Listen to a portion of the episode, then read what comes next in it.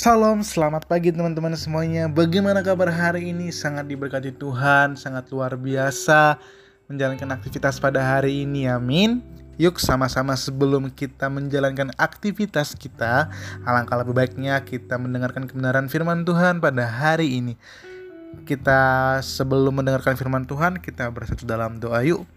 Terima kasih Tuhan, terpuji, termulia namamu Tuhan Yesus Kristus, kekal sampai selama-lamanya. Sebentar kami akan memulai Tuhan aktivitas kami dengan membaca, dengan mendengarkan firman Tuhan, dengan mendengarkan renungan ini menjadi renungan kekuatan dalam kehidupan kami. Berbicaralah Engkau ya Bapa, berbicaralah Engkau ya Tuhan Yesus Kristus.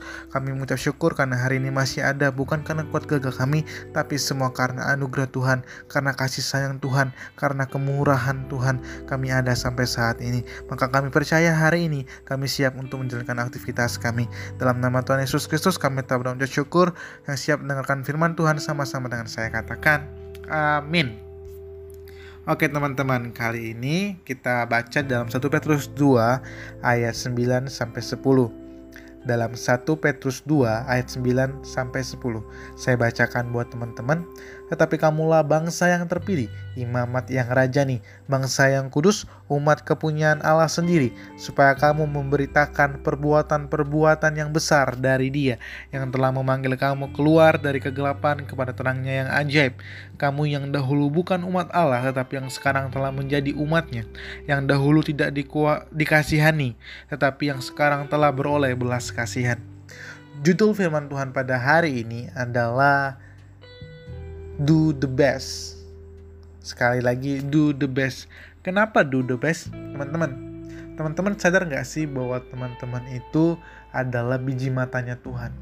Kalau teman-teman sadar dan mengimankan bahwa teman-teman adalah biji matanya Tuhan, berarti teman-teman sadar bahwa Tuhan tidak mau teman-teman menjadi orang yang biasa-biasa saja, tapi menjadi orang yang luar biasa. Nah, alasan mengapa mengapa sih kita bukan orang biasa dan mengapa sih kita disuruh Tuhan untuk menjadi do the best setiap orang dipanggil Tuhan melalui pekerjaannya untuk melayani Tuhan. Artinya apa teman-teman? Jika hari ini engkau sebagai seorang karyawan, jika engkau hari ini sebagai seorang pelajar, jika engkau hari ini seorang mungkin sebagai profesi guru, eh, dokter, polisi dan lain sebagainya atau mungkin manajemen atau manajer atau HR dan lain sebagainya. Teman-teman teman-teman lakukan pekerjaan teman-teman dengan baik. Karena Tuhan tidak mau setiap kita menjadi orang yang biasa-biasa saja. Semuanya itu kita lakukan untuk kemuliaan nama Tuhan. Nah makanya di 1 Petrus 2 9 sampai 10 dikatakan bahwasannya yang pertama alasan mengapa sih kan Tuhan menyuruh kita menjadi orang yang sangat luar biasa melakukan perbuatan kita melakukan kebiasaan kita melakukan jabatan melakukan profesi kita dengan sangat-sangat baik. Yang pertama bahwasanya kamu dan aku adalah bangsa yang terpilih. Kalau Tuhan udah memilih suatu bangsa seperti bangsa Israel Tuhan tidak akan pernah meninggalkan bangsa tersebut sekalipun bangsa itu mungkin bebal. Dan bangsa Israel kita tahu bahwasannya bangsa Israel merupakan bangsa yang tegar tengkuk sama seperti kehidupan kita. Tapi Tuhan tidak pernah meninggalkan bangsa tersebut. Malah Tuhan berjanji akan membuat suatu bangsa Israel ini menuju tanah perjanjian yaitu tanah Kanaan, teman-teman. Begitu juga dengan saudara dan saya ketika teman-teman sadar bahwa teman-teman saya merupakan bangsa yang terpilih, kita sadar bahwa kita adalah anak kesayangan Tuhan Artinya bahwasannya setiap kehidupan kita pasti Tuhan tidak pernah tinggal diam teman-teman. Yang kedua, imamat yang rajani bangsa yang kudus. Seorang imam pasti akan menguduskan dirinya. Teman-teman, alasan mengapa kita harus melakukan pekerjaan kita dengan baik adalah kita adalah bangsa yang kudus. Kalau Tuhan sudah menguduskan dirinya, makanya Tuhan katakan bahwasannya tidak seorang pun yang dapat melihat Allah kalau tidak suci hatinya, suci berbicara tentang kekudusan teman-teman. Yuk sama-sama ketika kita melakukan pekerjaan kita dengan baik, kita harus suci, kita harus kudus. Setiap perbuatan kita jangan dinodai dengan dosa teman-teman. Kalau engkau sebagai seorang mahasiswa, sebagai seorang profesi apa pun itu, engkau harus melakukan itu dengan kerendahan hati dengan kekudusan yang Tuhan kasih dalam kehidupan kita. Karena kita akan diberikan Tuhan janji yang luar biasa ketika kita mengimani itu bersama dengan Tuhan. Yang kedua, umat kepunyaan Allah sendiri supaya kamu memberitakan perbuatan-perbuatan yang besar dari Dia yang telah memanggil kamu keluar dari kegelapan kepada terangnya yang ajaib.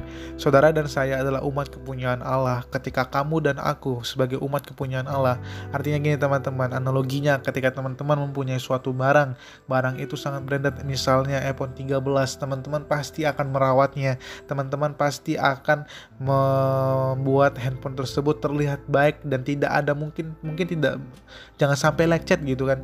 Jangan sampai ini rusak ini harganya sangat mahal. Begitu juga Tuhan terhadap teman-teman artinya apa?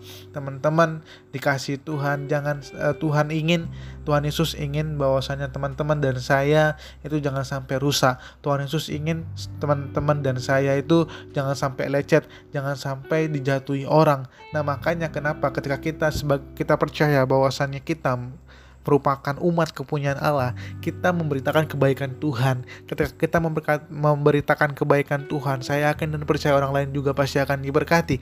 Orang lain juga pasti akan diberikan kemuliaan, diberikan kesukacitaan daripada Tuhan.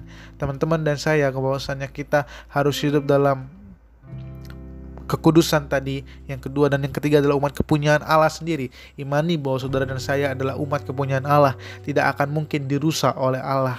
Teman-teman kalau misalnya hari ini sedang diproses Tuhan, jangan marah sama Tuhan karena firman Tuhan berkata bahwasannya setiap perkataan yang keluar dari firman ini digunakan untuk menegur, uh, memberikan ilham, memberikan pengajaran bagi kita teman-teman. Itu semuanya untuk kita dan untuk kemuliaan nama Tuhan.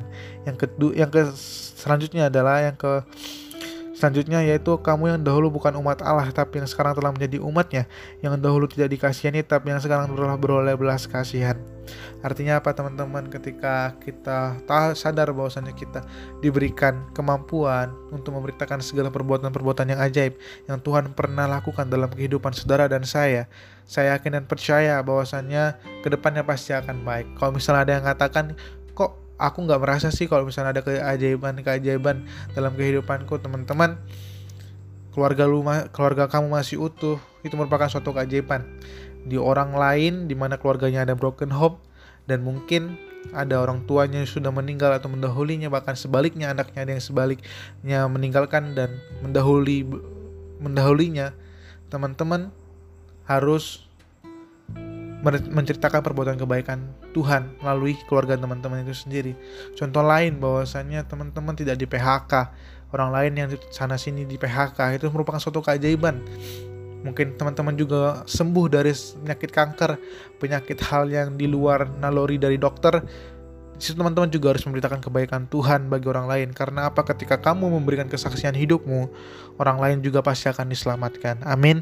Sebelum kita mengakhiri ibadah ini, mengakhiri firman Tuhan ini sama-sama kita bangkitkan iman kita terus tekun dalam Tuhan ingat baik bahwasanya Tuhan Yesus sangat sayang sama kamu. Kita bersatu dalam doa. Terima kasih Bapak. Terima kasih Roh Kudus. Terima kasih Tuhan Yesus Kristus.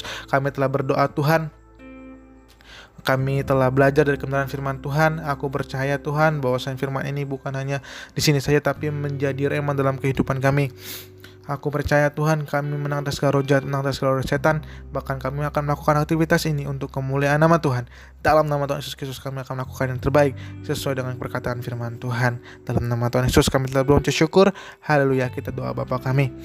Bapa kami dalam kerajaan surga dikuduskan namamu, datanglah kerajaan, jadilah kehendakmu di bumi seperti di surga. Berikanlah kami pada hari ini makanan kami yang secukupnya dan ampunilah kami akan kesalahan kami seperti kami juga mengampuni orang yang bersalah kepada kami. Dan jangan membawa kami dalam pencobaan tapi lepaskanlah kami daripada yang jahat karena engkau yang punya kerajaan yang kuasa sampai selama-lamanya. Dalam nama Tuhan Yesus kami telah mengucap syukur. Haleluya. Amin. Tetap semangat teman-teman. Tuhan Yesus memberkati. Bye bye. Shalom.